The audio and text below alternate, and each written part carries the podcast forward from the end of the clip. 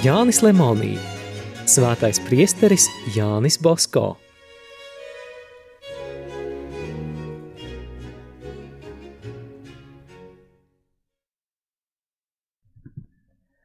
Esam jau stāstījuši par priestera Bosko sapņiem. Kas šie sapņi galu galā bija? Pirmo visnozīmīgāko un vēlāk arī citus viņš redzēja smagu pārdzīvojumu brīžos. Īpatnējais nogurums sapnī, tas palīdz izprast sapņu izcelšanos un raksturu. Sākumā Jānis Basko stāstīja priesterim Lemonī, es tiem pavisam maz ticēju. Domāju, ka tie nav nekas cits kā fantāzijas murgi. Pastāstīdams šos sapņus, paredzēdams kāda drīzo nāvi vai nākotnes notikumus, bieži pats baidījos, ka nebūšu labi sapratis un tādēļ būšu samelojis. Ļoti bieži pēc brīža pat aizmirsu, ko es esmu teicis. Reiz iedams pie priestera Kafaso sūdzēt grēkus, pastāstīja viņam arī par savu drošo runāšanu. Svētais priesteris noklausījās, padomāja, pēc tam man ieteica – Ja tas, ko tu paredzēji, notiek, esi mierīgs un izlieto šo dāvanu svētiem mērķiem. Redzot, ka viņa sapņi vienmēr piepildās un nes tikpat daudz laba kā mācības vai rekolekcijas, Bosko sāka ticēt, ka viņa redzējumi patiesi ir dieva dāvanas. Sapņus priesteris Bosko redzēja ļoti daudz. Tos var pat iedalīt. Sapņi, kuros ir paredzējumi par darbiem, kas jādara, un līdzekļiem, kā nospraustu mērķi sasniegt. Tad sapņi, kas viņam atsedza sirdsapziņas noslēpumus, aicinājumus, kāda cilvēka drīzo nāves brīdi. Treškārt, sapņi, kurus var saukt par didaktiskajiem sapņiem. Pie tiem var pieskaitīt arī tos, kas parāda baznīcas un tautu nākotni. Jānis Bosko sacīs priesterim Giuliani Barbērī, liekas, ka priesteris Bosko visu redz un ka vissvētā jaunava viņu ved aiz rokas uz priekšu. Katrā solī, katrā vajadzībā, lūk, atkal atnāk svētā jaunava. Bez sapņiem priesteris Bosko saņēma no dieva arī citas zīmes. 1882. gadā kāds jauns itālis dzīvoja Francijā un ļoti vēlējās kļūt par priesteri, bet nezināja, kā to sasniegt. Valdības aicināts viņš atgriezās dzimtenē, lai izpildītu kara klausības pienākumu. Viņš aizbrauca uz Turīnu, lai satiktu priesteri Basko. 29. oktobra rītā viņš iegāja Marijas Kristīgo palīdzības bazilikā. Priesteris Basko tajā laikā atgriezās sakristējā no svētās mises. Iedams prom no altāra, viņš ieraudzīja nelielu liesmiņu dodamies no Marijas Kristīgo palīdzības altāra uz margu pusi. Tā apstājās tieši uz svešā jaunekļa galvas. Nobrīnījies, brītiņu pakavējies un paskatījies, Bosko atgriezās sakristējā. Pēc pusstundas viņš izgāja no baznīcas un audzēkņu vidū ieraudzīja šo svešinieku. Tas pienāca un viņam noskūpstīja roku. Priesteris uz viņu paskatījās, nosauca viņa vārdu, uzrunāja franciski un aicināja savā istabā. Jauneklis kļuva salesiānis, devās misijās, vēlāk kļuva par registro di Araguaja bīskapu. Kas tuvāk pārzina salesiāņu darbu, sapratīs, ka te stāstīts par bīskapu Malaņo.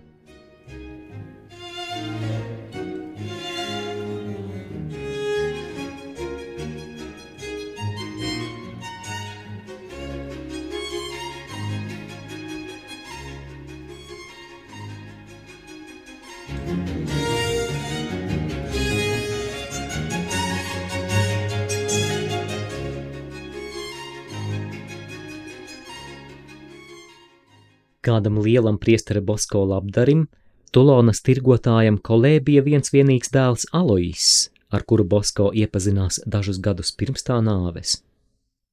Šis jauneklis, miris 17 gadu vecumā, pirmo reizi Jāni Bosko ieraudzījis, ilgot ilgojās, jo drīzāk aiziet mūžībā.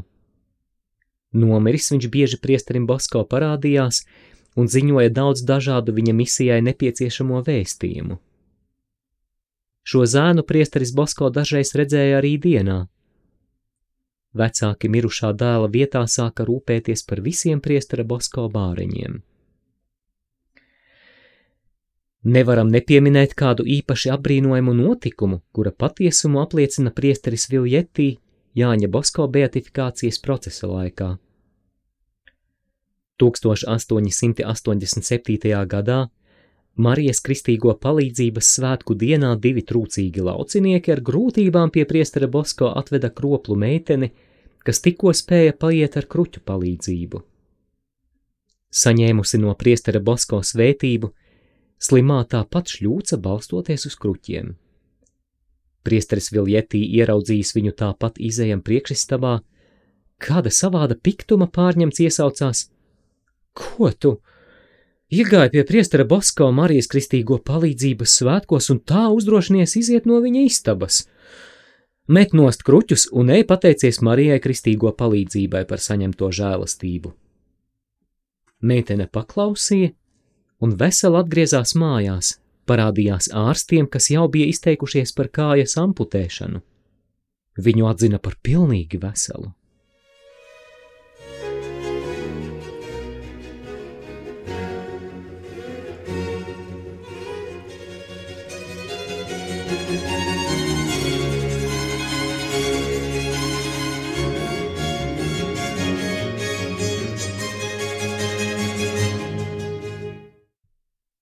Tādu brīnišķīgu izdziedināšanas gadījumu un redzējumu ir neskaitāmi daudz. Tomēr vēl der atbildēt uz vienu jautājumu, kas var rasties katram lasītājam. Kā pats priesteris Bosko jutās saskardamies ar šo pārdabisko varu? Redzēdams savas svētības sekas, viņš drebēja un dažreiz nevarēja izrunāt ne vārda. Dieva diženums, cilvēka niecīgums, lielā atbildības sajūta viņu biedēja – un lika plūst pazemības un pateicības asarām. Priesteris Stefāno Trifonē pastāsta, ka viņš reiz atgriezies no svētrunu teikšanas un aizgājis apmeklēt priesteri Bosko. Viņš trionam jautājis, kā veicies. Pēc tam laipni smaidīdams teica: Varbūt man palūkties, lai Dievs tev dotu varu darīt brīnumus. Nekas nevar būt labāks, līksmi iesaucās priesteris Trione, Vismaz grēciniekus tad drīzāk varētu atgriezt. Priesteris Basko nopietni palocīja galvu un piebilda: Ja Dievs tev šo žēlastību dotu, esmu pārliecināts, ka tu jau rīt lūgtu, lai to no tevis atkal atņem.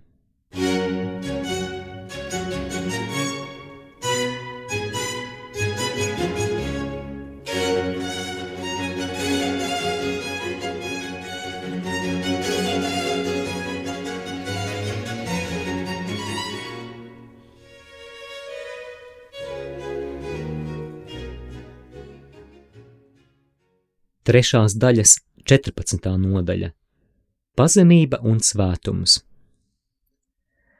Pat lielākajiem darbiem, ja tie nav darīti dieva godam, mūžīgās dzīves priekšā nav nekādas vērtības. Cilvēku nopelnu diženums atkarīgs no ilgu un nodomu skaidrības. Tāpēc, lai varētu spriest par kāda cilvēka svētumu, jāzina, cik viņš ir pazemīgs. Pazemīgs cilvēks ne tikai atzīst, ka viņš visas savas spējas un spēkus guvis no dieva, bet tās vēl slēpj, cik viens pēdams. Lai ko viņš būtu veicis, svēts cilvēks vienmēr sevi uzskata par nederīgu kalpu. Priesteris Bosko bija tik dziļi pazemīgs, ka šis viņa tikums mirdzēja no katras viņa rīcības, no visas viņa personības. Tie, kas viņu redzēja pirmo reizi, brīnījās, cik vienkāršs necils ir šis visā pasaulē slavenais cilvēks. Starbrīžos pagalmā Jānis Bosko rotaļājās ar bērniem, it kā pats būtu mazs. No bērniem viņu atšķīra tikai mērķis - dvēseles vest pie dieva, raksta priesteris Roā. Viņš bija ļoti priecīgs, kad varēja sarunāties un rotaļāties ar ielas bērniem, klaidoņiem, sabiedrības zemāko slāņu pārstāvjiem. Ļoti bieži ievērojami cilvēki, tik daudz dzirdējuši par priesteri Bosko, ieradās oratorijā un ļoti brīnījās, redzot viņu sēžam uz zemes vairāku simtu bērnu vidū, kā skudru pūznī. Kāds viņš bija ar mazajiem, tāds pats bija arī ar pieaugušajiem. Tas pats viņš bija arī vienkāršiem cilvēkiem un bagātajiem. Tāds ar valdības pārstāvjiem. Kad viņš ieradās pie pāvesta, viņš nometās ceļos un negribēja pat piecelties, kaut arī pāvests viņam to lika. Bosko sacīja, ka pie Kristus vietnieka nepieklājas stāvēt kājās. Bīskapiem gradzenu skūpstīdams viņš noliecās līdz pašai zemē. Viņš godāja visus ierēģņus un priekšniekus. Necils, vienkāršs, sirsnīgs viņš bija arī pret strādniekiem. Tieši vai netieši priesteris Bosko tiem atklāja, ka viņš ir cēlies no vienkāršu cilvēku ģimenes. Kad vien bija izdevība, viņš pastāstīja par savu mazo ciematu, kurā dzimis, par lauku darbiem, kurus strādājams jaunībā pelnījis sev maizi. Ja kāds viņu pagodināja ar augstu titulu, Bosko tūliņ steidzās paskaidrot, ka viņam nesot nekāda diploma, nekāda titula, izņemot klaidoņu vadoņa vārdu.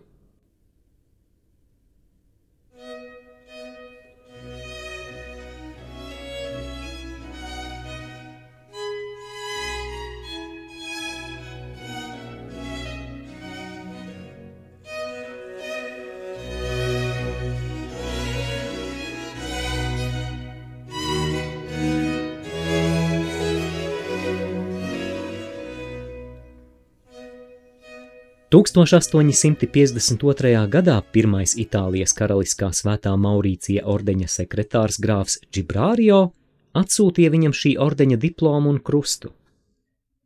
Priesteris Bosko tūliņ viņam aizrakstīja vēstuli un lūdza apmainīt šo dāvanu pret pabalstu bērniem.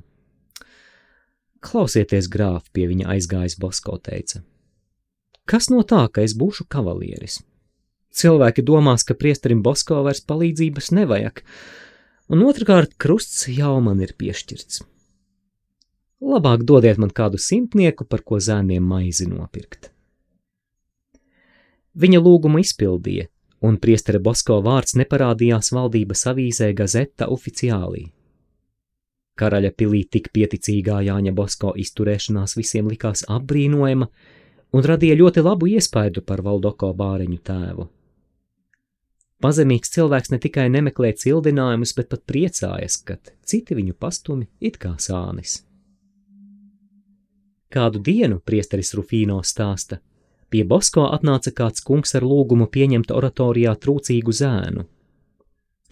Šis kungs maz pazina oratoriju un izteicās, ka oratoriju esot dibinājis kāds slavens bīskaps, kuram priesteris Bosko varot būt pateicīgs. Cildinājis un slavējis šo bīskapu, viņš jautāja, vai priesterim vispār esot pilnvaras pieņemt pēc sava ieskata bērnus. Bosko viņu mierīgi uzklausīja, un tad teica, ka tādas pilnvaras viņam esot. Nepazīstamais aizgāja apmierināts un stāstīja, ka ne tikai oratorijas dibinātājs bīskaps esot liels cilvēces labdaris, bet arī viņa vietnieks, kaut arī vienkāršs priesteris, esot viņa cienīgs cilvēks. Izskanēja lasījums no Jāņa Lemonija grāmatas Svētais priesteris Jānis Bosko.